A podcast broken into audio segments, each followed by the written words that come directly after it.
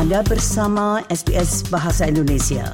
Dapatkan lebih banyak lagi cerita bagus di sbs.com.au garis miring Indonesia pemerintah Indonesia memiliki target yang cukup ambisius untuk menekan angka kemiskinan di Indonesia, khususnya kemiskinan ekstrim. Namun kadang target itu dianggap tidak realistis karena apa yang ingin dicapai terlalu jauh dari kenyataan yang saat ini terjadi. Jumlah penduduk miskin di Indonesia masih sangat tinggi, sementara pemerintah menginginkan setidaknya pada 2030 kemiskinan itu sudah bisa dihapus. Saya berbincang dengan Profesor Arif Ansori Yusuf, peneliti dari SDGs Center Universitas Pajajaran untuk membahas persoalan ini. Dan ikuti perbincangan selengkapnya berikut ini bersama Profesor Arif Ansori Yusuf dari Universitas Pajajaran Bandung. Ini Prof, kemarin kan Presiden ngomong soal target kemiskinan ekstrim 0 2024. Kalau menurut Prof Arif, ini ambisius atau masuk akal atau bagaimana atau tidak masuk akal? Uh, kalau nol beneran nol ya berat lah. Hmm. Kalau praktik mendekati nol mungkin saja, cuman nggak juga karena karena udah 2023 angkanya di atas satu, yeah. atau satu dua susah lah menurunkan penyebaran oh. ekstrim satu apa di bawah satu di satu persen dalam setahun tuh. Apalagi ini pada titik-titik terakhir kan, jadi last mile kan kalau ekstrim poverty itu yang harus dikejar itu adalah orang-orang yang marginalized, yang di remote area, rural, disability gitu. Jadi nggak semudah yang dikira. Identifikasinya aja susah. Hmm. Jadi kalau tercapai apa enggak, kayaknya sih nggak akan tercapai. Yang lebih optimis bagaimana menurut Prof Arif sebaiknya? Kalau kalau kalau saya menurut saya sih ya kita bisa stick to SDG target aja. Kan SDG target uh, itu ekstrim poverty nolnya kan di 2030 ya. Hmm. Kalau itu lebih masuk akal dan kalau itu indikasinya mungkin besar nggak tercapai kita dengan dengan dengan intervensi-intervensi tertentu ya. Gitu. Ya. Bagaimana antar lembaga itu bisa koordinasi? Ini memang persoalannya, Prof. Secara umum untuk ekstrim poverty bisa jadi persoalan, tapi bukan satu-satunya. Justru kalau menurut saya secara natural Masalahnya program koordinasi antar lembaga itu kan bukan isunya bukan hanya di masalah pengentasan kemiskinan, tapi di hampir semua aspek pembangunan juga begitu.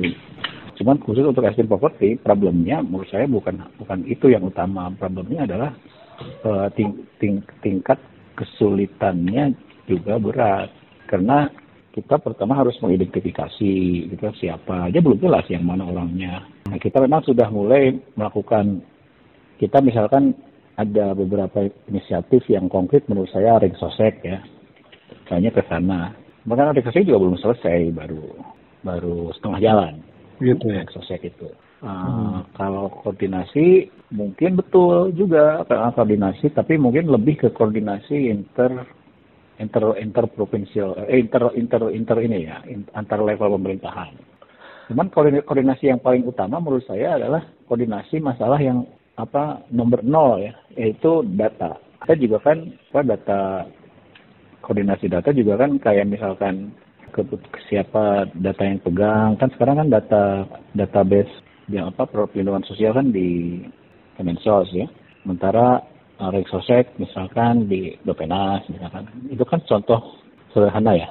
Hmm. bagaimana koordinasi itu uh, diperlukan lebih baik lah gitu. belum hal-hal lain. Dari masalah data aja kita kan belum coordinated well.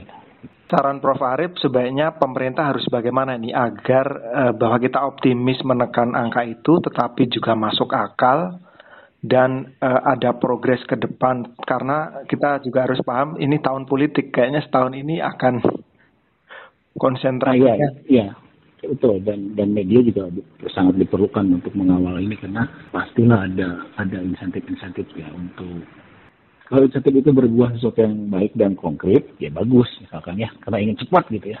Tapi berbuah konkret ya, tapi kalau misalkan semu gitu ya, uh, tentu ya harus dihindari. Tapi kalau saya sih yakin kalau kalau kalau pemerintah kita kan pasti kalau menghitung tingkat kemiskinan kan pasti BPS yang diminta ya. Kalau BPS lah, insya Allah lah BPS mah pasti tidak akan inilah tidak akan eh, main-main uh, ya untuk ini gitu kalau menurut saya ngapain sih kita melakukan bersemangat melakukan sesuatu yang uh, tujuannya hanya untuk mengekspresi bahwa kita berhasil padahal enggak gitu kan. Iya. Yeah. Mendingan nah kalau mendingan ya udah misalkan apa aja isunya yang dikeluarkan.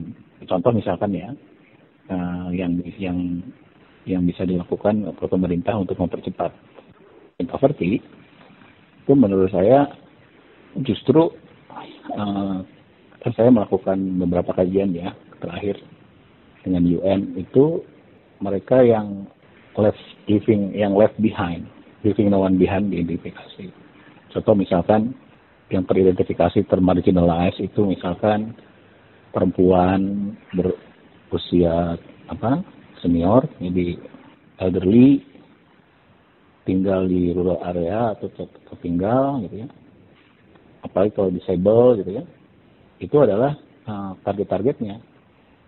Jadi uh, kejarlah kelompok-kelompok tertentu ya. yang jelas-jelas dia tertinggal. Nah ini kayaknya belum. Jadi uh, dan ini sesuai dengan SDG kan, leaving no one behind gitu. Betul. Dan tidak perlu fokus harus 2024 nol itu. Nah itu makanya konsisten dengan SDG aja. Gitu. Karena kalau siapa pun yang tahu data ngelihat ya siapa pun yang tidak perlu paham statistik kalau ngelihat tren kan nggak mungkin tiba-tiba curam gitu. Betul. Yang satu koma tadi kalau misalnya SDGs sampai 2030 lebih masuk akal ya Prof? Masuk akal, kalau itu masuk akal. Karena kan kita di SDG Center ini di Unpad kita melakukan kajian itu. Kita kalau berdasarkan baseline saja memang akan agak off, tapi kalau misalkan pakai intervensi sedikit itu itu kita bisa tahun 2030 mencapai angka nol. Oke. Okay. Yeah. Para pendengar, Demikian pandangan Profesor Arif Ansori Yusuf dari Universitas Pajajaran Bandung terkait bagaimana upaya pemerintah untuk menekan angka kemiskinan, khususnya kemiskinan ekstrim di Indonesia. Realistis atau tidak, tujuan pemerintah itu tentu patut kita dukung, meskipun sebenarnya target yang ditetapkan cukup jauh dari kenyataan yang saat ini terjadi. Terima kasih, selamat menikmati akhir pekan, dan sampai jumpa kembali. Sukai, berbagi, komentar. Ikuti SBS program Bahasa Indonesia di Facebook.